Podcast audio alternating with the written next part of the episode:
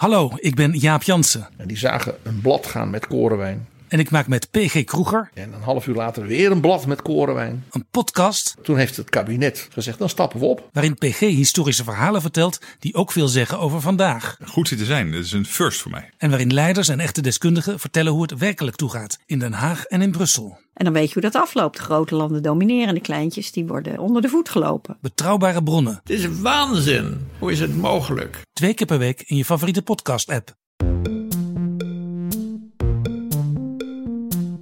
Hallo daar, fijn dat je luistert naar Boeken FM. Heb je een vraag voor ons? Stuur dan een mail naar boekenfm.dasmag.nl. En we zijn ook te vinden op Instagram, boekenfm. Wil je nou nooit meer een aflevering van ons missen? Abonneer je dan nu in je eigen podcast-app. En geef ons ook vooral een heleboel sterren en recensies. Dan zijn we ook zichtbaarder voor anderen die ons misschien willen luisteren.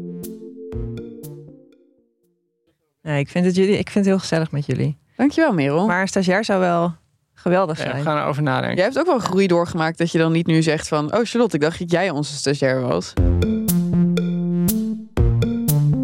Hallo allemaal en welkom bij Boeken FM, de literaire podcast van Weekblad De Groene Amsterdammer en uitgeverij Das Mag. Ik zit in de studio van Dag en Nacht Media met de immer slinkende bezetting van Boeken FM. Ja, inderdaad. Iedereen is gewoon maar ergens de Ja. hele tijd. Dus de enige mensen die er nu nog over zijn aan deze tafel zijn onze producer Merel Borst en de immer trouwe Joost de Vries. Welkom. Dankjewel. Dank je. Ellen zit nog steeds in prijs. Maar die is volgende week weer bij. Ja, dus we, verheugen ons op de terugkomst van eh, de- onze favoriet. En verder is het een beetje tropenrooster hier bij Boeken FM. Het is immers hartstikke warm buiten. Niet zoveel tijd om moeilijke literatuur te lezen. Eh, Lotte heeft net gezwommen in een gracht. ja, en nu begin ik overal groene uitslag te ontwikkelen. Eh, dus we nemen even snel op voordat ik naar het ziekenhuis word afgevoerd. Ehm, maar wat we er wel bij dit weer vonden passen en bij de algehele vakantiesfeer is natuurlijk een reisverslag. Eh, eh, nu wil het geluk dat er net eentje verschenen is. Dat, wel een reisverslag uit 2011, gek genoeg.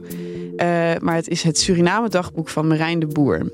En Joost, volgens mij kwam jij ermee dat we dat gingen lezen. Waarom is dat? Marijn de Boer 1982. Ik, volgens mij heb ik al zijn boeken wel gelezen.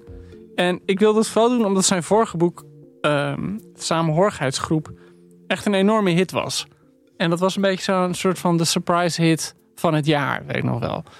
En ik ken de boeken van Marijn al vanaf het begin. Het is best wel een eigenaardige schrijver. Ik heb ook wel, als, toen ik nog recensent was, een paar keer over hem geschreven. En Waarom zou je hem als eigenaardig klassificeren? nou, omdat hij. Ik denk dat heel veel recensenten een beetje moeite hebben met hem te duiden. Hij heeft altijd van die personages die eh, op een vreemde manier. Ik zou, niet, ik zou niet zeggen hoekig, maar een soort van gek oudbollig zijn. ja. Eh, ontzettende droogkloten. op het niveau dat je soms dan niet weet. Doet Marijn het er nou expres om? Of is dit gewoon wie hij is? Ook van die boeken waar vaak heel veel herhalingen in zitten. Heel veel oudbollige woordgrapjes. Eh, dat je echt denkt van, hè, is, hè, is dit echt iemand... Hè, hij, is, hij is net zo oud als ik, dus, dus hij is ook weer niet bejaard. Eh, dat je denkt, doet hij, doet, doet hij nou... Maar tegelijkertijd heeft hij ook wel verhalen. Bijvoorbeeld in zijn roman De Nacht. Eh, en ook wel in andere verhalen. De verhalenbundel De Geur van Miljoenen bijvoorbeeld. Daar zitten ook van die oudbollige personages. En eerst denk je gewoon, ze zijn gek, vallen buiten de tijd. Maar dan, als je gaandeweg, dan blijken ze ook het, vaak dan iets half obsessiefs te hebben. Of een soort van half, eh halve psychopaten te zijn. Ongeveer die, de, nacht, dat gaat bijvoorbeeld echt over een man die op vakantie gaat met zijn vriendin. En dat is zo'n man die dan de hele tijd opsommen is van... nou, eh, als je nou op zoek bent eh, naar een goed huisdier... dan kan ik van harte die en die eh, huisdierenwinkel bezoeken aan die en die straat. Dat je echt denkt, waarom staat deze informatie in een roman? Maar als je dan doorleest, dan ga je opeens merken van... hé, hey, wacht, wat is deze man aan het camoufleren? Wat, een soort van dat wollige, oudbollige taalgebruik...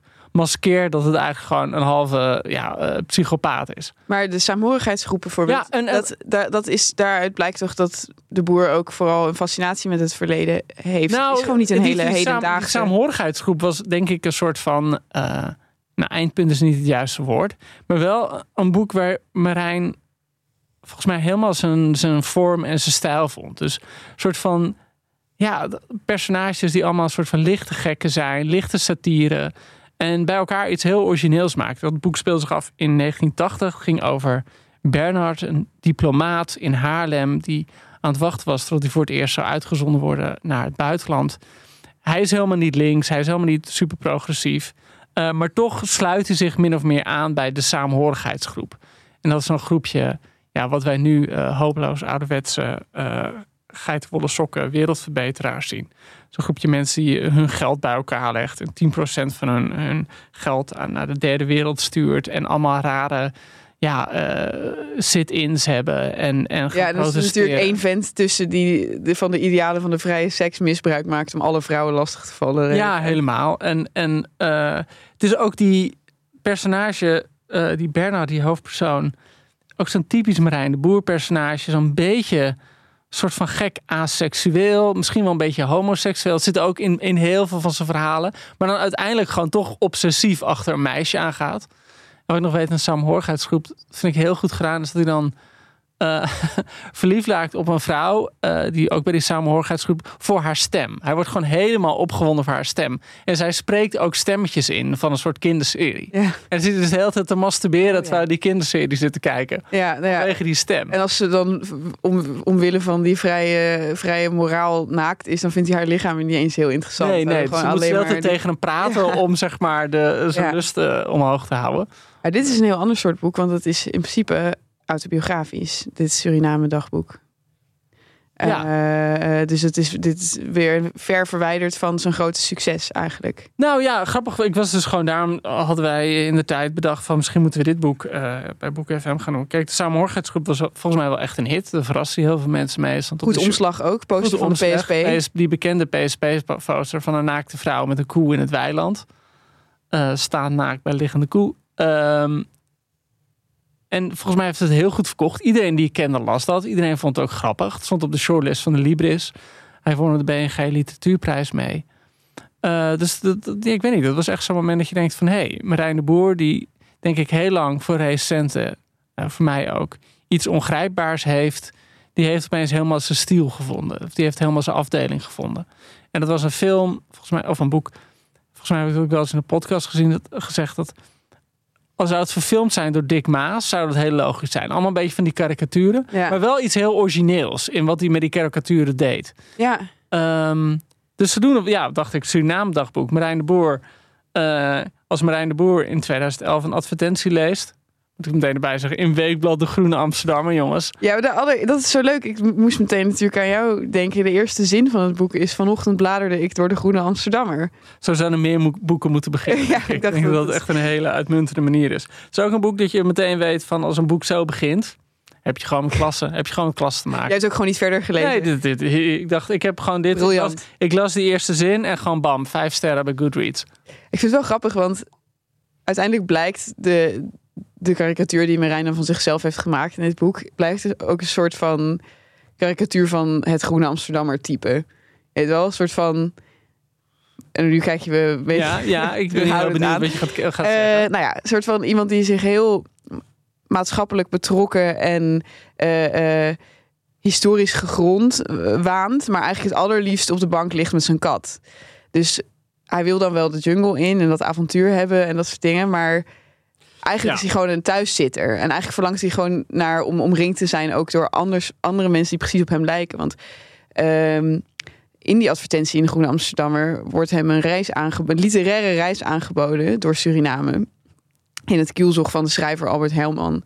En uh, voordat we daar verder op ingaan, als hij die groep tegenkomt met wie hij zal gaan reizen, is eigenlijk zijn grote teleurstelling vooral dat ze niet allemaal precies zoals hij, geen literaire types zijn. Ik zeg het nu even met aanhalingstekens. Dat vond ik wel heel grappig dat ja, het is nooit, het is nooit hardop kritisch op dit soort mensen. Maar ik vond het wel op zich een schrijnend, schrijnend portret van de, nou ja, de lezer van de Groene Amsterdammer. Kijk, wij met z'n drieën zijn ook gewoon de lezer van de Groene Amsterdammer. Kijk, wat een supermooie groep mensen we hier ja, bij, Mij werd op zich een, een, spiegel voorgehouden. Um, um, ja, en, en er moet erbij gezegd worden, uh, die reis is gratis die hij maakt. En de hoofdpersoon heet Marijn de Boer, is redacteur bij Van Oorschot. Zoals de echte Marijn de Boer ook redacteur bij Van Oorschot was. En hij moet ook verlof vragen aan zijn baas Menno, zoals ook de echte baas van Van Oorschot Menno heet.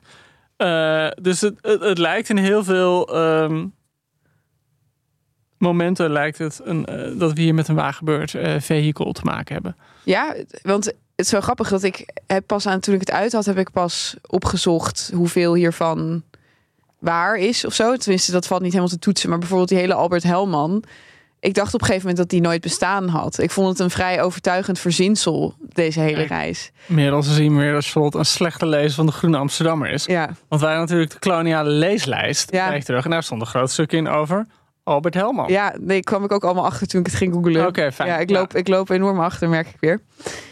Ehm, maar goed, hij gaat op deze reis. En ik vond het op een of andere manier... Wat jij als over hem zei, is dat hij heel oudbollig schrijft. Dat zit Nou, niet hij- alleen in het taalgebruik, maar ook in de manier waarop dingen hem overkomen in het begin van dit boek. Want dat is op een hele onmoderne manier. Ja, Er ik- is een advertentie in een tijdschrift. ja. Dan is er een telefoontje. Verschijn op het vliegveld op een bepaald punt. Hij heeft geen e-mails uitgewisseld, ogenschijnlijk. ja. Terwijl hij plaatst zichzelf in een bijna tijdloos Ja, misschien is oudbollig niet het juiste woord. Maar een soort van merkwaardig onthecht. Ja. Los van de tijd. ja, maar dat is zeker Eh, opzettelijk. Want hij, ja. maakt zich, hij maakt van zichzelf een soort kuifje. eh, een soort ageless figuur. Het is helemaal niet 2011 in dit boek. Tenminste, dat, je, je merkt er heel weinig van. Ook omdat ze een groot deel natuurlijk in de jungle zitten zonder telefoontjes en zo. Ja. Ehm, maar daar lijkt hij ook gewoon... Dat, dat lijkt hij heel prettig te vinden, of zo. Ja, daar gedijt hij helemaal bij. En eh, het idee is dus dat hij ehm, een reis namaakt die Albert Helman heeft gemaakt. En waar hij een boek over heeft geschreven. In 1955. In 1955. En ehm, daar moet hij verslag van doen voor eh, iemand die eh, zelf die reis niet af kan leggen, want die is slechter been. Eh, maar hij moet er dan een verslag van doen. En eigenlijk, ja, voor het grootste gedeel ziet het personage Marijn bijna geen verschil tussen wat Helman beschrijft en wat hij zelf meemaakt. Ik bedoel, voor hem is het ook gewoon nog steeds 1955. Ja, En ik bedoel, je hebt altijd. Hem Mulisch zei altijd van iedereen heeft een ideale leeftijd. Zo van de leeftijd waarop je je meest, je meest jezelf bent. maar die komt nog bij mij, geloof ik. Eh, ja, bij mij ook nog. Ik, ik heb mijn ideale leeftijd is altijd zo 67. Ik denk dat ik zo 40 of zo Zo net twee maanden met pensioen. Dat, dat is gewoon hoe ik me in mijn hoofd altijd voel. Ehm, maar ik denk dat sommige mensen ook een ideaal jaar hebben. Gewoon het jaar waarin ze het beste passen. En ik denk Ja. dat van Marijn de Boer dan, of in ieder geval deze Marijn de Boer in dit boek, 1955 het ideale jaar was. Ja, want hij komt natuurlijk ook, hij stuit ook op bepaalde discrepanties tussen zijn eigen reis en die van Helman. Waarvan eigenlijk in de eerste plaats eh, een groot verschil zit tussen de eh, rust die Helman steeds kan vinden om te schrijven en te werken aan zijn Suriname-dagboek. Omdat hij gewoon een crew van 33 man had die hem aan het vervoeren waren, zeg maar. En in plaats daarvan, en Marijn moet het helpen sjouwen en zo. Ja, En de boot over ja en, dingen en, heen duwen. eh, eh, zijn hangmat ophangen. en Ja, zo. ja. Maar wat natuurlijk het leukste is aan dit boek, is het portret dat hij maakt van zo'n reisgroep. En van de grote, eh, grote betrokkenheid die die mensen eigenlijk meteen bij elkaar voelen. Ook al zijn het mensen die in het echte leven niets met elkaar te maken zouden hebben gehad. Ehm, ik vond dat ook heel, echt heel erg grappig aan dit boek. Is, ja, Marijn die is dan de neutrale kijker. Hij is een beetje de Great Gatsby jongen, die andere, de gewoon de hoofdpersoon. Hoe heet hij ook weer? Carraway, Nick. Nick. Nick ja, hij is de Nick Carraway van de situatie, of de kuifje dan. En om hem heen zijn de, de kleurrijke personages Ja. of zo. Eh, ja, bijvoorbeeld een heel vervelend echtpaar. Ja, Shores en Tony. Sjors en Tony. En hij heeft een soort... Die Sjors die is ontzettende blaaskaak die heel veel heeft gereisd en daar tijd over wil praten. Maar ook een duister verleden als alcoholist verborgen houdt. Wat je dan langzamerhand ziet doorschemeren. Eh, dan is er ook nog... Nou, eigenlijk de allerleukste, interessantste figuur is natuurlijk Julius. Ja, de man met de vader. Ja, Julius is, is een veertiger met een, met een heel druk leven in Nederland. Waar hij door zijn vrouw eigenlijk even uit weggestuurd is. Want hij Ja. heeft drie kinderen en hij heeft een baan waar hij helemaal... opkomst. En vierde Ja. opkomst komt hij achter in de jungle ook. Ja. De laatste keer dat ze nog een mobiele verbinding hebben. En Julius die heeft dit blijkbaar zo hard nodig gehad dat hij een beetje gek wordt. Hij gaat gewoon volledig Rambo-modus. Hij trekt de hele tijd zijn shirt uit, pas en te onpas. Hij vraag wil eigenlijk heel graag de hele met zijn blote handen vissen de kop afrukken Ja. en zo. Ja, hij, dat zit ik, uh, Marijn zit ook de hele tijd af te vragen wanneer hij zo'n band om zijn hoofd gaat dragen. Het gebeurt dan op een gegeven moment ook. gebeurt Ja, ook ja, inderdaad, ja. Als een echte Rambo. ja, je vraagt je af of het, echt of het allemaal echt zo gebeurd is. Maar er is, vooral die scène met die vis is zo beeldend. Want Julius die wil dan ook de, de gidsen die doen dit natuurlijk allemaal heel geroutineerd. Die zijn altijd met groepen toeristen deze tocht aan het afleggen. En die gaan dan vissen vangen voor het eten en zo. Maar Julius die wil heel graag het gevoel hebben dat hij daar dan bij betrokken is. Dus die gaat dan helemaal knielend helpen met het ontleden van die vissen. En dan heeft hij allemaal vissenbloed op zijn knieën. En gaat hij dat ook opzettelijk niet afwassen, omdat Ja. het er stoer uitziet. Ken je de film This is 40, eh, geproduceerd door Judd Apatow? Nee. Eh, die is ook bekend van, als producent van Superbad en van eh, Girls en zo. En het gaat dus inderdaad over mensen van 40. En dan gaat het dus ook over een zo'n vader. Daar moet ik altijd aan denken. Dat is altijd mijn nachtmerrie. Eh, die dan eigenlijk ook op de vlucht is voor zijn gezin. En dan gaat hij gewoon de hele tijd op de wc zitten. En uiteindelijk gaat, doet die vrouw, die doet dan echt zo die deur open. En die zegt, wat ben je aan het doen? En dan zegt hij, ja, ik zit op de wc. En dan zegt hij, nee, nee, je zit met je iPad. Je zit met je iPad. En dan zegt hij, ja, nee, ik zit hier gewoon. En dan zegt hij, nee, nee, laat zien. Laat zien. ik ruik niks. Ik ruik niks. Zegt hij, ik heb doorgespoeld. nee, nee, nee. Nou, dat, zo'n beeld bij Julius had ik. Gewoon, Ja. zo echt gewoon wanhopig op de vlucht. Nou, voor... voor eh, drie kinderen plus een vierde opkomst. Ja, maar ik vind dat het zo grappig beschreven is hoe dichtbij je zo iemands leed komt of zo, zonder dat je diegene echt kent. Omdat ze gewoon de hele tijd naast elkaar moeten liggen in hangmatten. en Ja, wat het ergste beeld, detail dat erin zit, is van eh, Tony, geloof ik. Of Sjors. Ik had altijd Sjors en Tony met elkaar door. eh, dat- Maar dat is, het de de emmer? bedoeling. De emmer. Het is ja, de ja, emmer. dat is ja. Tony, die moet willen, Tony. die gaat in Tony een die, heeft een, een nare ervaring ergens opgedaan bij zijn andere reis. Eh, met als gevolg dat hij niet meer s'avonds buiten in de bosjes wil plassen.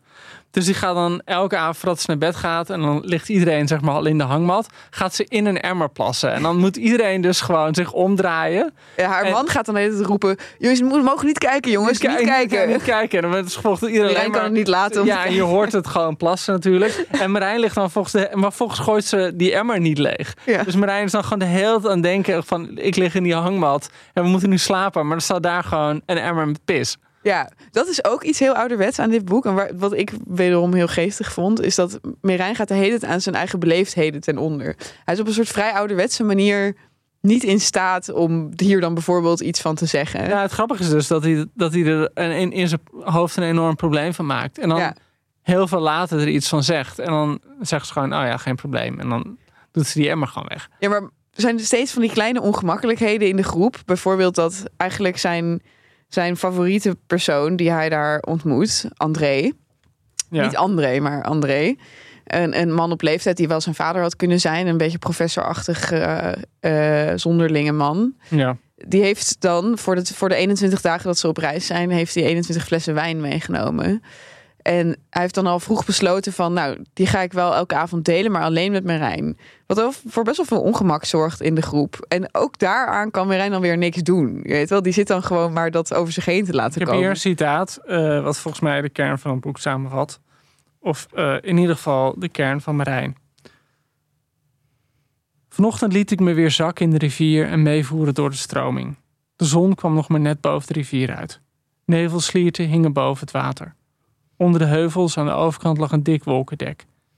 Wederom lukte het me niet om tegen de stroom in te zwemmen. Soms, heel even.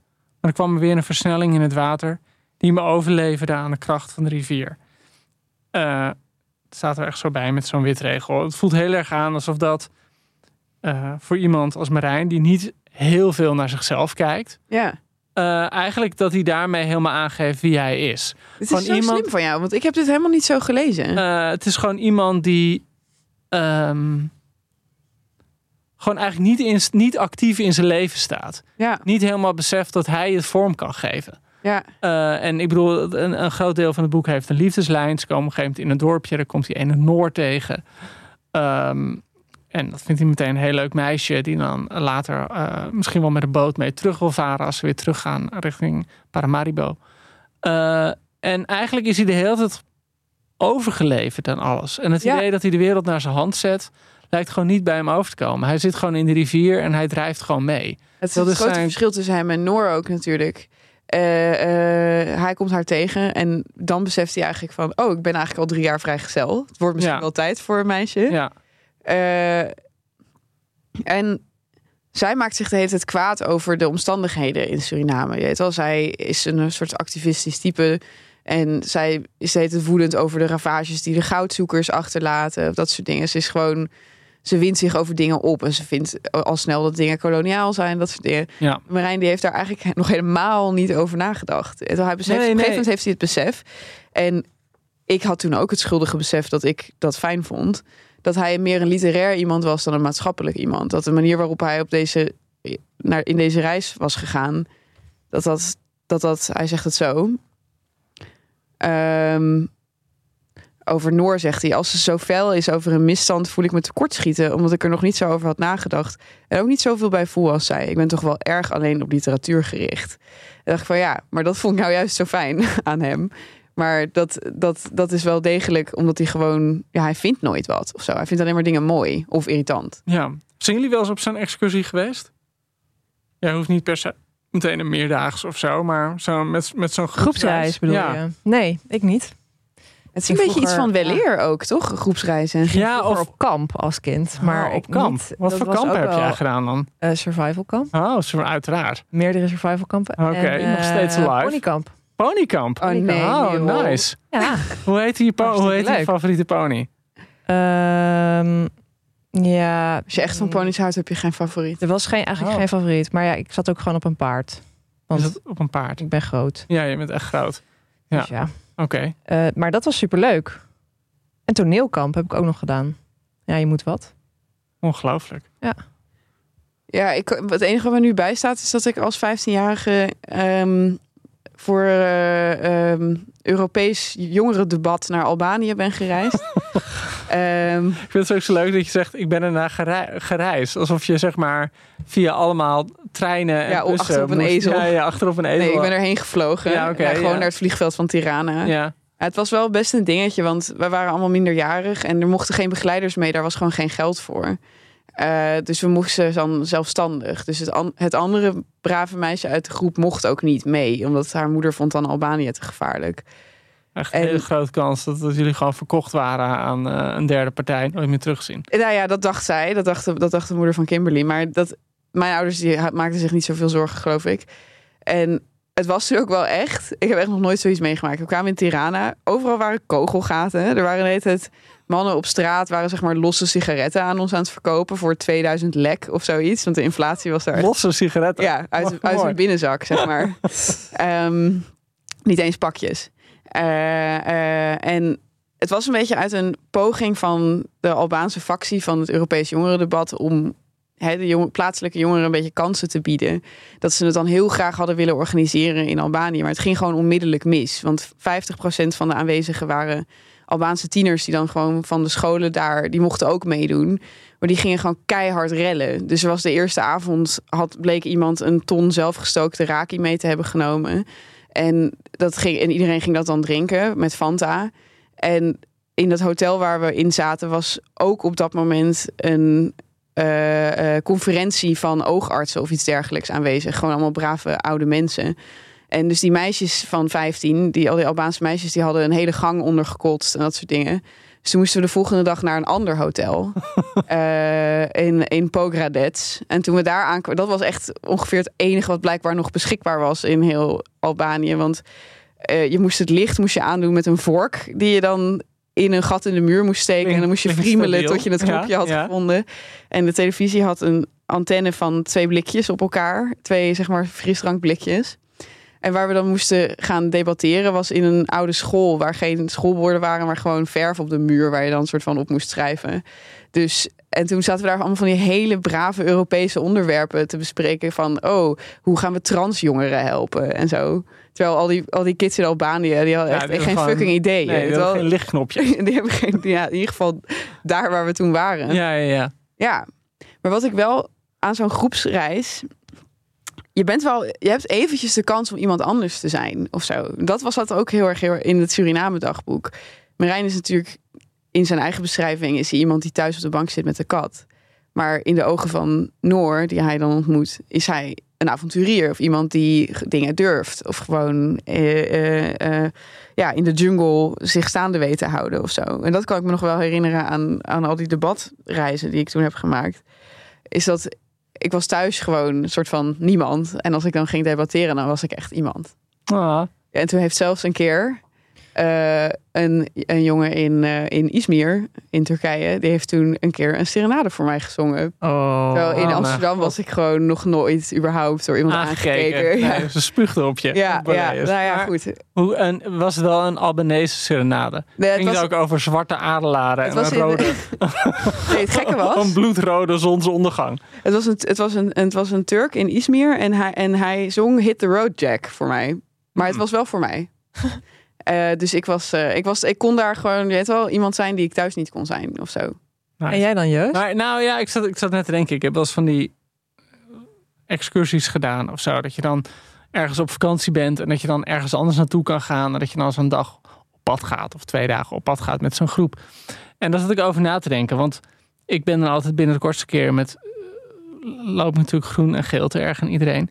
En er zat één soort... Toen dacht ik, ja, wat voor type heb ik altijd het meest een hekel? En dat zijn altijd van die soort van gasten die dan zeg maar 30, 40 zijn en dan een soort van wel een beetje de leiding willen nemen in de groep, maar ook grappig zijn en dan van haha jongens kijk ik ben grappig en dan ook aan de gids willen laten weten van haha ik snap het allemaal en tegelijkertijd doen alsof ze een beetje superieur aan de groep zijn en dat had ik zo over na te denken dacht ik oh wacht dat ben ik zelf waar ik gewoon zo'n hekel aan heb en ehm, eh, dat is natuurlijk een van die gekke dingen dat als je in zo'n groep zit en zeker echt zo'n groepsreis, dat je met z'n allen iets aan het doen bent. Eh, Ik denk dat er dat. Kijk, de mensheid is volgens mij de enige. Nou goed, er zijn ook wel eenzame dieren, zeg maar. Maar we zijn een soort van de enige diersoort. Dat als we heel veel van onszelf zien, dan denken we: oh mijn god, hier wil ik niet zijn. Eh, en als je in zo'n groepsreis bent, dan ben je daar met zo'n gezelschap. En je maakt onmiskenbaar deel uit van het gezelschap. En meestal ga je op een gegeven moment jezelf er een beetje voor schamen dat je deel uitmaakt van die groep. Maar dan ga je een beetje een hekel krijgen. Eerst aan de groep en daarna ga je een hekel krijgen aan jezelf, omdat je in die groep zit. En dat is wel iets waar ik met, met eh, in het Suriname dagboek gewoon op zat te wachten. Dat ik echt dacht van, wanneer wordt het echt heel vilijn en wanneer begint Marijn, eh, personage Marijn, narrig en, en zelfreflectief te worden. En dat, dat is gekke is dat hij het helemaal niet doet. Ik bedoel, ik gaf dat citaat van die, van die rivier. Ik denk dat dat een soort van, misschien dat hij het zelf niet eens door heeft, maar dat is ongeveer het enige moment dat hij eigenlijk op zijn eigen gedrag spiegelt. Alsof eigenlijk hij op een hele gekke manier een blinde vlek voor zichzelf heeft.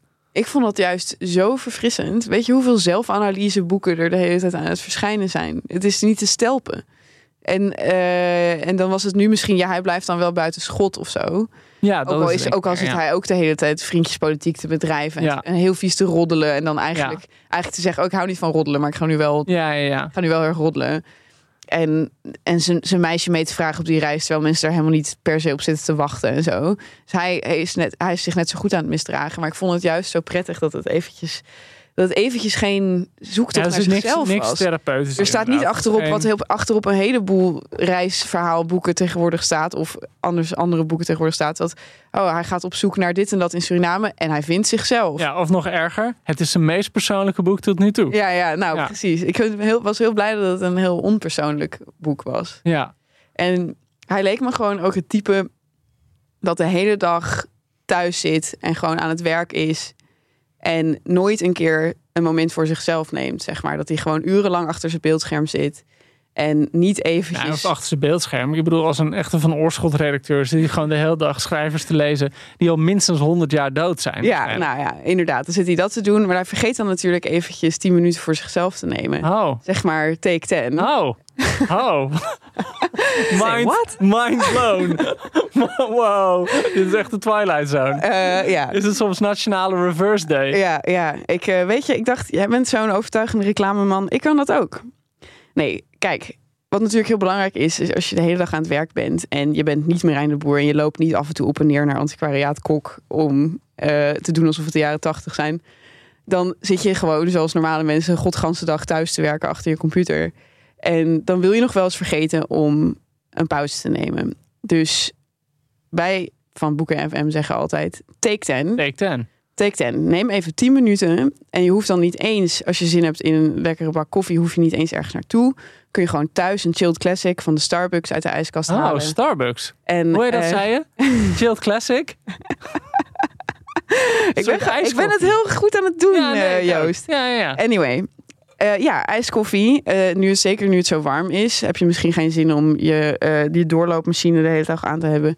En kun je gewoon een chilled classic uit de ijskast. Nee, gaat goed. Gaat Eh, goed. en Chill kun je- classic. Ik zie het helemaal voor me. En wat moet je dan doen in die take 10? Ja, Stel je hebt 10 minuten, wat moet je doen? nou, ik weet, de verleiding is natuurlijk groot om als je de hele dag naar bad screen hebt gekeken, eh, good screen uit je zak te halen en ook nog een keer te gaan zitten scrollen. Maar wij van eh, Boeken FM raden aan dat je met je chilled classic 10 minuten even een kort verhaal tot je neemt. Eh, je kunt nou net in 10 minuten kun je gewoon helemaal tot rust komen, een chilled classic drinken van Starbucks en iets moois lezen. En ik dacht, Joost, ik vraag jou vandaag om iets mee te nemen voor ons. Nou, ik ben heel blij dat je dit aan me vraagt. Want ik zat natuurlijk ook over na te denken. En ik zat na te denken over een verhaal. Je moet wel denk ik een beetje doorlezen. Of je moet van take 10 stiekem take 20 maken. En gewoon twee chilled classics drinken. Eh, ken je Adam Johnson? Nee. Nou, Adam Johnson is... Volgens mij heeft met zijn eerste boek... eh The Orphan's Master's Daughter... eh, dat speelde zich af in, Noor- in een weeshuis in Noord-Korea, gek genoeg. Want hij is gewoon Amerikaans schrijver. Won ik de Pulitzer Prize mee. Daarna publiceerde hij een verhalenbundel die heet Fortune Smiles. En daar staan een paar van de beste verhalen in die ik ken. Eh, ze zijn heel fantasievol en tegelijkertijd heel menselijk en melancholisch. En eh, het verhaal dat daar uitspringt heet Interessante Feiten. Interesting Facts. En aan het woord is een vrouw die getrouwd is met een schrijfster. Een schrijfster die niet bij naam wordt genoemd, maar wel de Pulitzer heeft gewonnen met eh, een boek over eh, Noord-Koreaans weeshuis. en ze gaat met hem mee naar een lezing en ehm, eh, is dan eigenlijk heel geïrriteerd hoe een aantal vrouwen naar haar man kijken. En dan begint ze meteen de borsten van die vrouw te beschrijven. En dan zegt ze: Oké, interesting facts. Ik ga van alle vrouwen die in dit verhaal voorbij komen, de borsten beschrijven. en eh, het begint gewoon als een heel grappig verhaal. Maar het blijkt dus ook dat ze borstkanker heeft. Oh, Dus dat verklaart ook een beetje waarom Oh, ze. eh, eh, ehm, je gaat meteen helemaal anders zitten. ja, ik ben me heel bewust ineens van mijn borsten. ja. Ehm, en ehm, gaandeweg, nou, zij, zij is ziek en ze moet behandeld worden. Haar man, ze hebben twee kinderen. en haar man heeft gewoon met allemaal mensen contact. En daar, het is heel grappig. Het is een hele bijtende stem. Doet een beetje denken aan Laurie Moore in het commentaar dat ze geeft. Het is heel grappig, heel erg van zich afbijtend. Eh, zij vertelt, oh, ze, ze, ze is ook aan het nadenken over haar eigen boeken die niet zijn uitgegeven, Oh, wow. mislukt zijn. En waarom sommige verhalen wel succes hebben en andere verhalen niet succes hebben. En ze kijkt gewoon naar hoe vrouwen achter haar man lijken aan te zitten. En ehm, ze kijkt heel erg naar haar kinderen. Eh, eh, haar zoontje raakt helemaal into paarden. Denkt dat hij een soort paard is zelf. Eh, en ja, zo lees je het dus. jij ook, Dat hè, is Merel? heel, Ja, vind ik leuk. eh, en gaandeweg begin je af te vragen, is ze er nog wel? Nee. Ja, en het is echt zo ontzettend mooi. Ik bedoel, ik zal het niet helemaal beantwoorden hoor. Maar het is gewoon zo mooi gedaan. Eh, hoe dat, dat hele volle leven eh, van haar en haar gezin en de afwezigheid eh, door elkaar heen lopen. En hoe het leven en al dood gewoon hè, in the midst of life we are in death. Hoe ze heel dicht op elkaar zitten. Gooit hij er gewoon even uit. Eh, ehm, en dat is echt een, een eh, ja, gewoon alleen al dat is het boek gewoon. Volgens mij, het is ook vertaald als volgens mij Vrouwen Fortuna lacht. Beetje, nou, Fortune Smiles heet het in het Engels. Het heeft dus National Book Award gewonnen. En er staan nog een paar verhalen in die echt schitterend zijn. Maar dit is nou echt een boek waarvan je denkt... Oké, misschien lees je het een beetje met een brok uit. Maar ja, dat brok spoel je zo weer weg met een chill classic. En het cirkeltje Yes. is weer rond. Nou, En hoe heet het het klinkt echt mooi. Adam? Johnson. Voor de, voor de luisteraar, Adam Johnson. Adam Johnson. Dankjewel, Joost. Het enige moeilijke is dat er zijn, zoals ik- voor mij is dat een troost, dat er heel veel Joost de Vriesen zijn. Er zijn ook heel veel Adam Johnsons. Zou jij dat zo vermeervouden? Ik zou zeggen Joosten de Vries. Joost en de Vrie, Joost de Vriesie. Zou ik zeggen. Eh, dat, klinkt echt, dat klinkt echt prachtig. Bedankt Ja. voor, de, voor, voor de tip. Ehm, en dan kunnen jullie thuis allemaal met een chilled classic van Starbucks dit verhaal ook gaan Ja. lezen. Nou wilde ik nog een vraag aan jou stellen over het Suriname dagboek. Ehm, want ik vond het eh, dus, zoals ik al zei, ja, prettig onmaatschappelijk. Ja. Een beetje kabbelend. En hij maakt zich nooit ergens kwaad over. Nog de schrijver, nog de verteller. Eh, Nee, hij accepteert de wereld volledig zoals de wereld is. ja, en ehm, op een gegeven moment komt Heart of Darkness heel kort ter sprake. Ja. En toen dacht ik wel van, oh oké, hè, moeten wij niet allerlei gedachten over koloniaal schrijven vanuit de witte man hebben over dit boek? Maar dit is niet, ik ben misschien niet aan het juiste adres bij jou. Wat? Wat? ik bedoel, ik ben eh, de grootste wookneus hier aan tafel. Dat weet wel. Nee, maar eh, het grappige is dat het zit dus inderdaad een beetje in het personage van Noor. Dus dat meisje dat hij tegenkomt, dat die Ja. dus wel overal commentaar op heeft.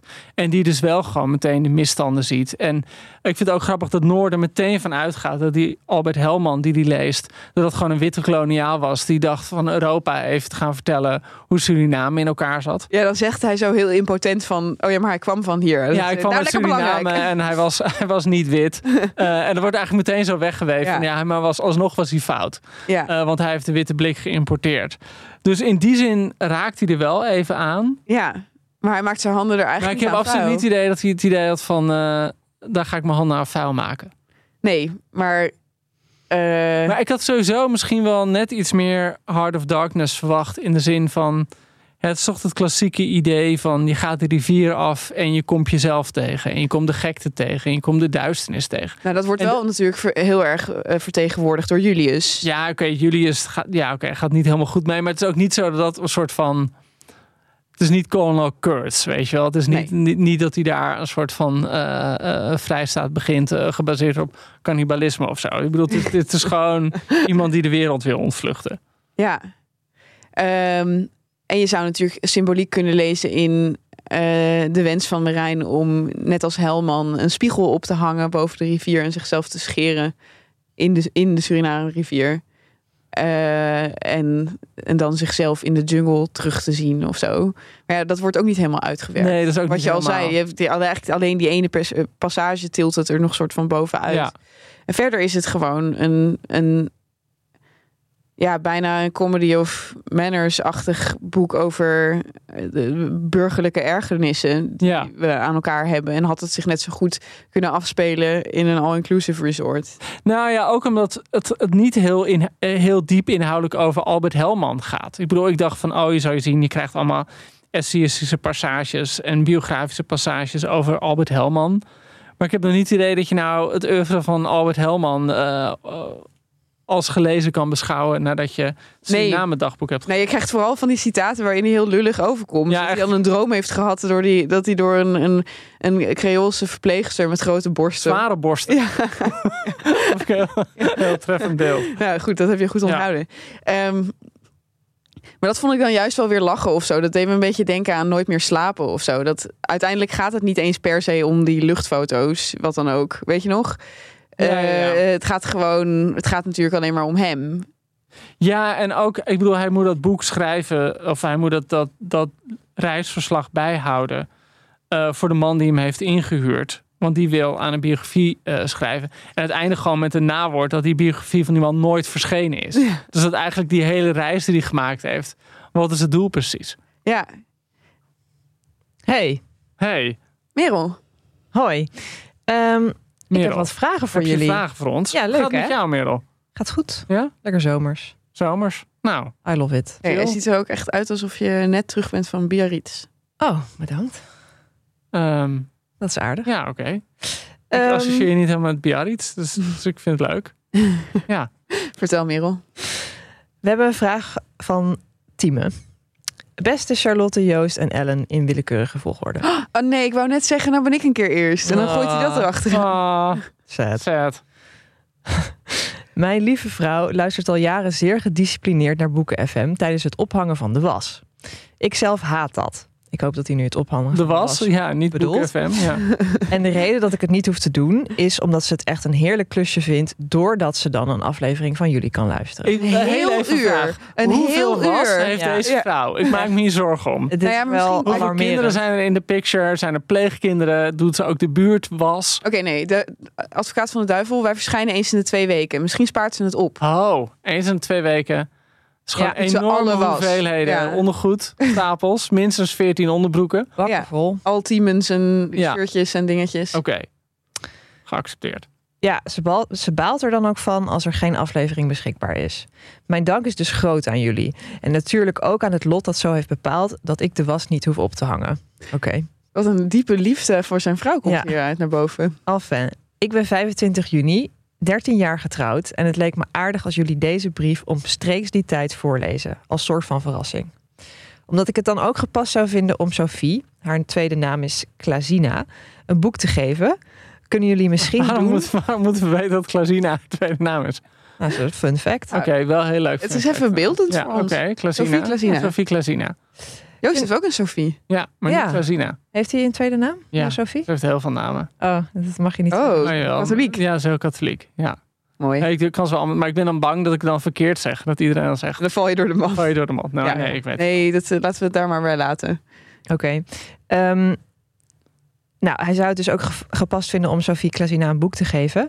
En eh, misschien kunnen jullie doen waar wij dan het best in zijn. Ehm, zegt Tieme. Een boekentip of verhandeling van een boek over liefde of het huwelijk. On Chesil Beach hebben we al gelezen trouwens. Sophie, ik heb je lief. Ellen, Joost, Charlotte, blijf zo doorgaan. Liefs, Tieme. Ik vind dit zo lief. Ja, het is zeer zoet. Ik ben heel nog. blij dat we hiervoor ingeschakeld worden. Sophie, eh, als je dit luistert, dan is het net een paar dagen na jullie eh, jubileum. En ik hoop dat jullie het heel fijn hebben gehad. Ik hoop dat je Wij hebben jou ook lief. Bloemen hebt gehad, Ik cadeaus, hoop dat je de was niet hebt dingen. Ja, ik-. Ja, dat moet was nu woensdag pas dus. Oh ja. Ja. Dus dan is het alweer, is het al lang, is het Woensdag weer was voorbij. dag, zeg ik altijd. Hey, maar ja, boek over de liefde. Ik moet ze eerlijk bekennen dat ik deze eh, eh, eh, vraag, toen ik hem van tevoren even kort doorlas, net iets te vluchtig doorlas. En dacht, ja, boek over het huwelijk. En toen dacht ik meteen aan Niets te verliezen en toch bang van Renate Rubenstein. Mijn favoriete boek over het huwelijk. Maar dat gaat alleen maar over scheiden. Ja, ik wil zeggen, dat is meer je favoriete boek over scheiden. Ja, dat is mijn favoriete boek over scheiden. Dus ik zou, maar die wil ik nog steeds wel aanraden aan Sophie. Voor het geval dat. Snap je? Dat ze die gewoon in een soort tijdcapsule kan klaarleggen. Voor als ze geen zin meer heeft om andermans was op te hangen. Oh mijn god, en, grimmig. maar Ja. nu het nog heel goed gaat tussen haar en nu het Timon. nog heel goed gaat. Nu Nu het- het blijft voor nu het altijd gaan. heel goed gaat tussen haar en Timon. eh, eh, geef ik de microfoon weer even aan jou, Joost. Nou, ik zat erover na te denken. En het is wel lastig. Want eh, kijk, ik geloof natuurlijk blind in het huwelijk. Prachtig instituut. En ik ga er ook vanuit. ehm, nou, laat ik het zo zeggen. Het probleem daarbij is natuurlijk altijd een beetje dat als literatuur over het huwelijk gaat, het zelden over goede huwelijken gaat. Want hè, zoals men zegt, happiness writes white. Eh, geluk is heel saai om te beschrijven op de pagina's. Ehm, dus ik zat een beetje te denken van wat is nou een boek eh, dat ik jullie kan aanraden over het huwelijk dat niet een soort van eh, onttovering van het huwelijk is. En toen zat ik te denken aan een boek dat ik denk in 2010 of 2011 verschenen is van Jonathan Dee, een Amerikaanse schrijver. Die schrijf je D-E-E. En het heet The Privileges. En dat begint met een huwelijk. Gewoon een jongen en een meisje, net afgestudeerd. Zijn de eerste van hun generatie die trouwen. Het eerste hoofdstuk trouwens is zo echt geweldig om te lezen. Beschrijft gewoon zo'n groot feest, daverende eh, bijeenkomst. Ze zijn gewoon gek op elkaar. Eh, het eindigt met de huwelijksreis. eh, waar zij uiteraard zwanger van terugkomt, zoals dat dan hoort. Ah, geweldig. En dan eigenlijk volg je over een periode van, denk ik, 30, 40 jaar hun huwelijk. En hij- zij is volgens mij iets met advocaat en hij is actief op Wall Street. Zijn allebei, raken in toenemende mate wel succesvol. En, zijn, en je denkt de hele tijd van wanneer gaat het mis? Wanneer gaat hij zich vergrijpen aan de secretaresse? Of wanneer komt zij een leuke kunstenaar tegen? Zoals je altijd verwacht dat het gaat in een New Yorkse roman over een huwelijk. Maar dat is gewoon niet zo. Ze blijven gewoon idolaat van elkaar. Ze blijven gewoon gek op elkaar. Op zo'n mate dat iedereen om hen heen echt denkt van wat mankeren die twee. Ze zijn gewoon stapelgek op elkaar. En die kinderen, eh, hij wordt steeds succesvoller. Eh, op een gegeven moment pleegt hij fraude en dat biecht hij dan aan erop. En zij zegt alleen maar, ik weet dat je het gewoon hebt gedaan voor ons. En niks is een probleem. Die kinderen ontsporen en ontsporen dan ook niet. En zij zorgen dat het, dat het allemaal weer opgevangen wordt. Het is echt een ontzettend hecht, romantisch, hyperverliefd boek over liefde in een huwelijk. Wauw. En het gekke is, ik las het en toen dacht ik, wauw, wat super romantisch. Wauw, wat een fijne personages. En pas toen ik erover na ging denken en ook andere recensies las, dacht ik, oh, je kan het ook op een andere manier lezen. Want dit boek is echt zo geschreven in de nasleep van de kredietcrisis, of eigenlijk op het hoogtepunt van de kredietcrisis. En het laat ook een groepje mensen zien, of een, een stel mensen zien, die superveel houden van elkaar. Maar de rest van de wereld bestaat niet voor ze. Oh ja. Dus de rest van de wereld laten ze niet toe tot hun, zeg maar, hun, hun ring van geluk. Uh, dus er zitten allemaal bijpersonen in die eigenlijk een beetje op, op hun stuk slaan, als het ware.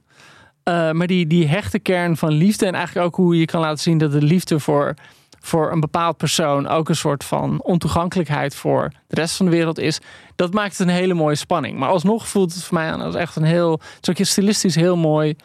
Uh, vol met mooie details, vol met uh, geweldige observaties over het huwelijk. Uh, het is ook vertaald in Nederland met The, The Privileges van Jonathan D. Daar dacht ik aan.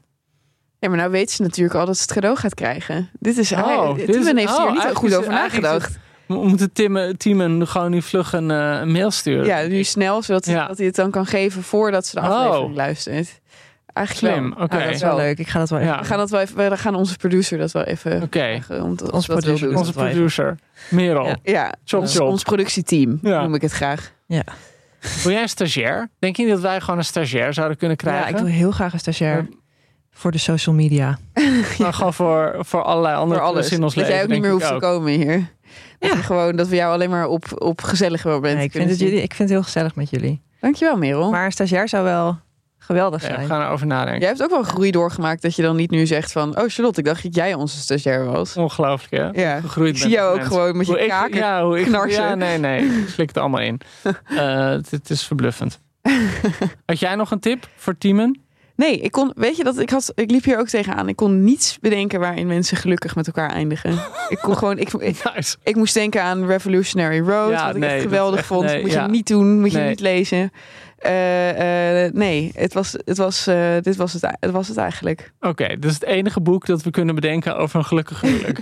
Ja. Nice. Ja, Goeie score. ja, nee, maar ga ik dan nu voortaan? Ik, ik kan het ook wel gebruiken om wat meer in de liefde te gaan geloven. Dus ik, ik ga ook op zoek. Oké.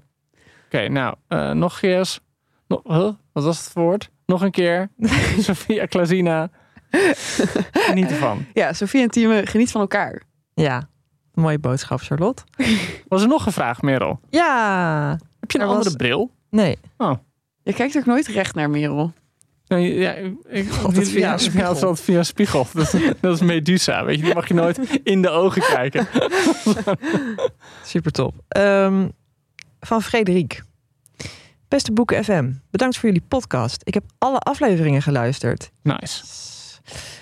Hoeveel uren ik jullie podcast over boeken luister, hoe weinig ik ze daadwerkelijk lees. Puntje, puntje, puntje.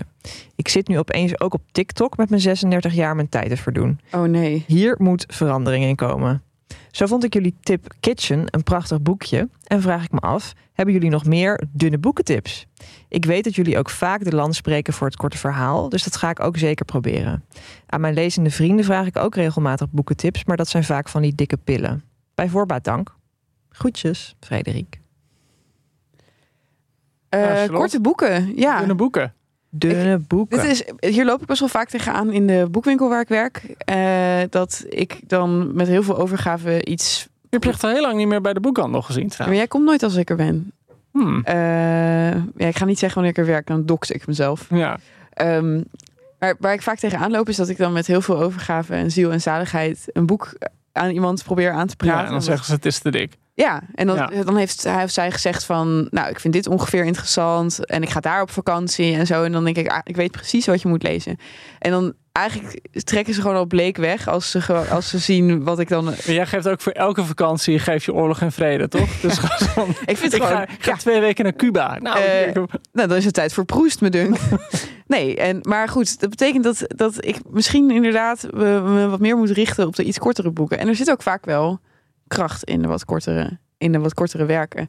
Bijvoorbeeld in het werk dat Mensen van Keulen eh, bekend maakte, namelijk Blekers Zomer. Dat is echt een fantastisch boekje om nu te lezen uit 1972. Ik ga er verder eigenlijk helemaal niets over vertellen, behalve dat eh, hoofdpersonage Willem Bleker gewoon echt de allerlulligste man op aarde is. En dat zij dat zo scherp weet te portretteren. Terwijl zij super jong was toen. Eh, dat is nou echt een, een kortje voor, om mee te nemen als je een weekendje weggaat. En ook een belangrijk stukje van de Nederlandse literatuurgeschiedenis, denk ik. En eh, als je dan toch een Rus wil meenemen, doe dan Turgenev. Uh, namelijk, ik heb het wel eens over gehad, denk ik. Eerste liefde. met, ja. de, met de boekenweek toen. ja, omdat dat was toen het thema Eerste liefde. Maar dat is, dat is me toch echt bijgebleven. Eh, als een vrij claustrofobisch romannetje, verhaal. Dat zich echt in twee tuinen afspeelt. Eh, eh, en dat heel erg over liefde en obsessie gaat. En eh, dat ik aan iedereen zou aanraden. En tenslotte dan, en ja, Joost moest me heel erg uitlachen hierom. Ik weet niet waarom, want het is gewoon heel goed. En ik ben niet de enige die dat vindt. Eh, The Things They Carried van Tim O'Brien is wel gewoon heel wat anders weer. Want het zijn een soort... Ja, Ja, maar het is gewoon een soort van het babyboom Vietnam boek. ja maar dat is toch gewoon interessant. Ik Ik bedoel, Op een of andere manier kan ik me niet helemaal voorstellen dat jij, dat jij buitengewoon geïnteresseerd was in verhalen over lekker marcheren door de rijstvelden. Nee, oké. maar waar ik wel erg in geïnteresseerd was, is nou ja, al die beschadigde mannen die erin voorkomen. Het wordt gewoon heel erg mooi beschreven. Oh, beschadigde mannen. ik hou enorm van beschadigde mannen. Ehm, nee, eh, het is ook niet, het is niet alsof, dit soort, alsof je heel veel moet weten van de Vietnamoorlog om dit te kunnen lezen. Nee. Eh, het, is, het is een beetje Forrest Gump level Vietnamoorlog. Eh, maar wel echt super mooi. Dus dat zijn dan drie tips voor wat kortere boeken die ik heb. Joost? Nou, kijk, natuurlijk, je hebt natuurlijk verrassend veel boeken die eigenlijk heel kort zijn. Ik bedoel, Mrs. Dalloway, 140 pagina's Ja, of zo. tuurlijk. Geweldig boek, het boek. Eh, The Great Gatsby is ook maar iets van 160 pagina's. Mm. Ja. Maar heel dun. Ik zat nog te denken, eh, een beetje in, in eh, de sfeer van Tijmen en eh Sophie- Tiemen. Tiemen. Sorry, Tiemen. Tieme. Tiemen. Oh, Oh, Tiemen. Oké. er is ook een N bij aan Ja, ik ook. Ja, ik dacht Tijmen Arendsman, maar dat is meer omdat het wielrennen gewoon helemaal bezig is. Sorry. Eh, en Sophie Klazina te denken. ik denk Mokusai van eh ja. Cees Notenboom. Ontzettend klein, romantisch, melancholiek, smachtend boek. Kan ik je van harte aanbevelen. Merel gaat echt zo opeens zo heel wijzelijk voor zich uitkijken. Alsof er opeens een Ja, hele, ik zit na te alsof een hele diepe geschiedenis bij je open gaat. Ik ben heel benieuwd wat er gaat Dat gebeuren. heeft misschien een verhouding met Cees Notenboom. Ja, dat vind nee, ik ik wel echt heb één woord. Kaas. kaas. Oh, kaas. Natuurlijk. Ja, kaas. Ja, En Ehm, luister dan vooral ook onze aflevering over kaas. over kaas. kaas. Ja, Precies. ook. maar ja, dat heeft is ze ook iets gedaan. 110 Dus pagina's. Ja, 114 zie Ja. ik hier. Heel veel ik- Elschot. Eh, Villa de. Roses. eh, Villa de Roses ook, wat is het, 140 pagina's of zo. Ja. Dus dat, dat is ook super leuk. Ja. Er zit ook meer... En eh, net genoemd door Tieme, On Chesil Beach. Dat is ook een dunnetje. Ja. Heb je ook Eh, zo. Dying Animal van Philip Roth. Een van zijn beste. Ook denk ik 140 pagina's. Ik zit ook nog te denken aan een boek wat ik ja, heerlijk vond. eh, tegen alle verwachtingen in. Is De Bomen van A. Alberts. Eh Das Oh, Mag heeft het een zo, tijdje eh, geleden opnieuw, vorig jaar opnieuw uitgegeven. En zwaar dat ze er gaan promoten. Toen dacht ik, nou, wat zijn die jongens en meisjes van Das Mag nou weer aan het hypen? Dat zal allemaal wel. Maar toen ging ik het lezen. Echt een geweldig boekje over een jongen, Aard. En die wil gewoon alleen... Ja, Aard. Ja, ik heb Oh. het volgens mij tegen gezegd. Over Aard. En die wil gewoon alleen maar met de bomen. Die wil gewoon alleen maar naar bomen kijken. Voor de rest interesseert niks hem. Hij wil alleen maar over bomen praten. Hij wil alleen maar tussen de bomen rondlopen. En zijn familie heeft geen idee wat ze met die jongen aan moeten. Echt een super lief, super origineel boek. Ah. Eh, ook zo'n boek dat je in één treinreis naar... eh, nou, we gaan mensen in de trein naartoe. Maastricht. Texel eh, uit hebt. Ja, je gaat niet echt met de ga trein. niet met de trein Ja, oké, maar ik zat te denken van, dus een waar ga je in de zomer naartoe? Naar de Waddeneilanden en zo. Ja. Nou, genoeg om te lezen dan, Ja, toch? toch. Ik wil niet nog een keer over de Cement Garden beginnen. Maar Nee. die moet je wel ook lezen. Nee. Volgens mij alle boeken van Salinger zijn ook gewoon Ja. super dun. Ook qua korte verhalen kun je natuurlijk die, eh, Bernie en Zoe. die Nine Stories Nine lezen. Stories, en. Zoe. Seymour, een ja, introduction. Nine Stories ook. Nou, nu wordt het wel heel erg eh, tegen elkaar opbieden. Ja. Dus eh, ik hoop dat je van, van genoeg eh, tips De hebt speler van Dostoevsky. nee, oké, ja. Oh ja, de neus van Gogol. Dat is ook zo'n gek verhaal. Ook leuk. Oké, nou, stoppen we hoor. We Ja. klaar zijn met overtoepen, eh, hebben we misschien je van een kleine leeslijst weer weten te voorzien. En kunnen we eh, nog wat afsluitende opmerkingen maken over. Hoe ging jij op die verhaallijn met Noor? In het Suriname dagboek van Marijn de Boer. Nou, ik denk dat hij een valkuil heeft vermeden, namelijk om van haar een soort manic pixie dream girl te maken. Want zij is dan al avontuurlijker dan hij is. zij heeft heel veel interessante reizen gemaakt. Maar hij gebruikt dat avontuurlijke van haar eigenlijk alleen maar om zichzelf neer te zetten als een sukkel die niet avontuurlijk is. En ze is ook niet boven natuurlijk mooi of interessant of zo. Hij wordt gewoon. Maar krijg je überhaupt een, een beeld van haar? Nee, en dat is ook niet erg, vind ik. Want het laat alleen maar zien in wat voor, in, in, in wat een, eh, eh, eh, in wat voor bui hij is. Hij is zo ontvankelijk voor eigenlijk alles wat iemand hem, hem wil verkopen of zo. Dus als hij deze vrouw tegenkomt, dan is hij op slag verliefd, terwijl hij eigenlijk niets van haar weet. Eh, Ja, want hij ontmoet er één keer heel even. Ja. En dan is hij eigenlijk, kan hij al een week lang niet op nadenken. Want die boot gaat daarna weer verder. Dus hij is dan een week lang aan het denken van... oké, die boot gaat weer omkeren. En dan komen we weer langs het dorpje en daar is ze dan. En te- hij citeert op het einde citeert hij eh, Helman eh, en schrijft hij dit: Het is een symfonie voor oog en oor en neus en mond en mijn gehele lijf en ziel geweest. Dus ja, die verliefdheid op Noor, ik zag dat helemaal niet als een volwaardige verhaallijn. Ik zag het gewoon als Merijn die zich opent voor dit avontuur, tenslotte. En dat doen ze natuurlijk allemaal op hun eigen manier zeg maar, al die reisgenoten die hebben een soort gekke doorbraak op een gegeven moment. Confronteren dan spoken van thuis of, of komen zichzelf dan tegen in de jungle. Wij zeiden eerder dat het daar niet over gaat. En daar gaat het gelukkig ook niet heel expliciet over. Maar Ja, het zit in die zin kun je dat erin zien. inderdaad. ja, toch? Ik vind, Ja. ja. verder is zij niet zo super interessant en kon het me ook weinig schelen of ze nou met elkaar zouden eindigen of niet. Ik was, ik was best ontroerd door hun eerste nacht samen. Ik vond dat leuk beschreven. Ik bedoel, hoe vaak heb je dat wel niet gelezen? En ik vond het toch verrassend. Oké. En jij? Nou, nee, ja, het- ik was er wel benieuwd over. Omdat de eerste keer dat hij er ziet, dan, en dan komt ze daarna de hele tijd terug in zijn dagboeknotities. Dan denk je, nou, ik ben benieuwd hoe het gaat. En dan gewoon de eerste keer dat hij er ziet, is het meteen weer raak. Ja. En ik bedoel, kunnen niet allemaal Joost de Vries zijn. Maar ehm eh, Marijn de Boer, eh, deze Marijn, verbaast me wel over dat hij eh, zeg maar zo soepel naar binnen fietst. En het is een. Het is toch een hele knappe jongen? Nee, maar de Marijn de Boer, ik bedoel ik meer de Marijn de Boer in het boek, die gewoon, ehm, ja, gewoon niet, waarvan je niet het gevoel dat hij heel makkelijk met mensen contact maakt. Maar Nee. misschien is dat ook niet. Is het meer dat zij hem gewoon aan zijn shirtje pakt en zegt en, en hem meeneemt of zo? Ik weet niet helemaal. Nou ja, dat blijkt natuurlijk toch ook dat het voor haar allemaal niet zo super interessant is. Nee, hij is eigenlijk een blijvende keuze voor haar. Nee, dat is het ook meer. Misschien is dat wat er een beetje pijnlijk aan is. Is dat ehm, zij, hij misschien wel, laat ik zo, dat zij misschien meer voor hem betekent dan hij voor haar. Ja.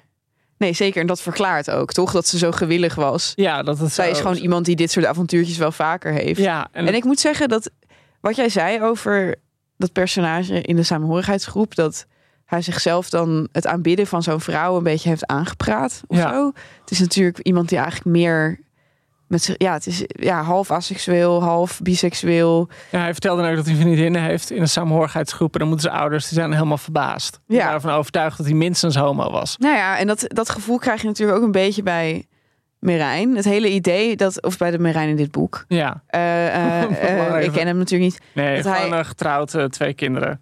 Nou, dat is leuk voor hem. Ehm, dat hij, hij ziet dan op een gegeven moment die, dat lesbische stel met wie ze zijn, ziet hij heel handtastelijk en lief tegen elkaar doen. En dan denkt hij, nou, ik zou eigenlijk ook wel een vriendin willen hebben die mij af en toe aanraakt. Ja, Dus het is ook maar iets wat hij gewoon verzonnen heeft. Ja. En dan komt hij haar tegen en dan, is hij op, dan wordt hij verliefd. En het grappige is ook, hij is ook zo bezig met, eh, met Helman. Dat, en, en steeds zijn eigen reis koppelen aan die van Helman. Dat hij op een gegeven moment ook dit zegt. Ehm, Helman was echter vooral geïnteresseerd in de vrouwen die zich aan de waterkant stonden te wassen. Hij neemt een paar bladzijden de tijd om hun lichamen en in het bijzonder hun borsten te beschrijven. Wat ik op zich wel kan begrijpen na al die dagen in dit afgelegen deel van het oerwoud. Helman en ik zijn op dit punt van de reis met hetzelfde bezig. Dus het is ook dat hij soort van. Hij romantiseert ook zijn eigen verliefdheid als onderdeel van deze reis. maar het is ook hoe je het voorleest. Het is zo omslachtig en indirect. Het is allemaal zo indirect hoe hij al die dingen in zijn leven beleeft. Ja, zeker. Hij zal ook nooit iets heel vleeselijks zeggen. Of Nee, zo. nee, maar alsof hij Helman nodig heeft om toe te geven dat hij geil is. Ja, nee, precies. Dat is, nou, maar ik vond, ook dit vond ik, vond ik wel eh, aandoenlijk en beminnelijk. Dat het, dat het zo voor hem zo niet in, over zijn eigen lichaam gaat ooit. Of dat van haar, je weet wel. Hij ziet het allemaal alleen maar... Het fascineert hem bijvoorbeeld wat iemand dan... Wat Helman dan opschrijft over hoe de marrons dan... Of de, de, eh, de mensen in die dorpen dan seks hebben. Namelijk man op de rug in de hangmat en een vrouw zeg maar hurkend erbovenop. Dat fascineert hem dan. En verder zeg maar over zijn eigen seks zegt hij echt bijna niks. Nee. Eh, ja, het, het, het, het maakte hem een beetje... Ja, een soort seksloos stripfiguur. Dan zijn we weer terug bij Kuifje. Ja, maar volgens mij is het ook wel een beetje... Ja, ik weet niet. Misschien is het ook gewoon... Hou jij gewoon van zo'n jongen waar je je over kan ontfermen. ja. ja, nou goed. Misschien, hè? Misschien gaat het eigenlijk allemaal over mij, deze aflevering. Charlotte. Charlotte Remark. Laten we een cijfer geven. Ja. Ik, uh, ja, ik heb het idee dat het een beetje uit elkaar gaat liggen vandaag. Ik vond het echt heel erg leuk. Ik heb me ontzettend vermaakt. Ik vond het heel geestig. Ik vond het echt niet van deze tijd op de beste manier. Ik geef het een 9. Ongelooflijk. Ja. Die negens van jou. Straight A student. Um, ik geef wel een lager cijfer, maar um, wat voor mij kijk, ik heb een plus en een min. En de min is denk ik dat ik niet vond dat er heel erg iets groots op het spel stond. Niet echt, echt de psyche van personage Marijn. Het is niet echt een soort van vlijmscherpe analyse van Suriname of Helman of het groepsgevoel. Of, nee. het, is, het is zoals de rivier, kabbelend. Um, dus wat dat betreft, het gevoel stond, stond weinig op het spel. Leek het wel. En tegelijkertijd was ik wel gebiologeerd door Marijn. Tegelijkertijd was ik eigenlijk ook wel gebiologeerd door wat er nou met Noor ging gebeuren. Ik heb het wel gewoon met een soort van grote nou ja, plezier en, interesse gelezen. Uh, ik heb het ook best wel snel uitgelezen. Uh, en ik ben het ook wel met je eens. Het is gewoon een heel ander soort boek dan de boeken die meestal verschijnen. Maar ik moet wel zeggen, ik had meer, ik had liever de samenhorigheids, nog een samenhorigheidsgroep dan dit. Ja. En dat is soms natuurlijk dat kan, je, dat kan je een schrijver nooit kwalijk nemen. Dat je soms heimwee hebt naar een ander boek van die schrijver. Terwijl nee, precies. een schrijver natuurlijk, ja, als hij een boek geschreven heeft, gaat hij niet daarna nog eens hetzelfde boek schrijven. Die wil gewoon iets anders schrijven. Uh, maar voor mij, hè, die, die samenhorigheidsgroep had echt zo'n grote greep. En die grote greep miste ik hier wel erg. Dus ik geef, uh, maar is ook omdat jij een 9 geeft, dan geef ik een, uh, een 7. En dan heeft Marijn toch nog een 8 om mee op rapport te komen. Merel knikt. Ja, ik ben heel benieuwd. Ik heb het uh, leesfragment gelezen dat op de website staat. En dat vond ik zeer vermakelijk, dus ik wil het graag lezen. Oké, okay, nou. Nou mijn exemplaar hebben. bedankt dat jullie er weer waren. En uh, bedankt ook aan alle luisteraars. We zijn er vlug weer. We zijn er gauw weer. En dan heb je iets meer op te verheugen. Want uh, dan is onze Ellen, eigen Ellen weer terug. We gaan en... gewoon hier zitten. We stellen er twee vragen. En voor de rest laten we haar gewoon... Ja, zij heeft, nu, zij heeft vast wel heel veel te vertellen aan ons. Dus tot dan. Tot dan. Doei.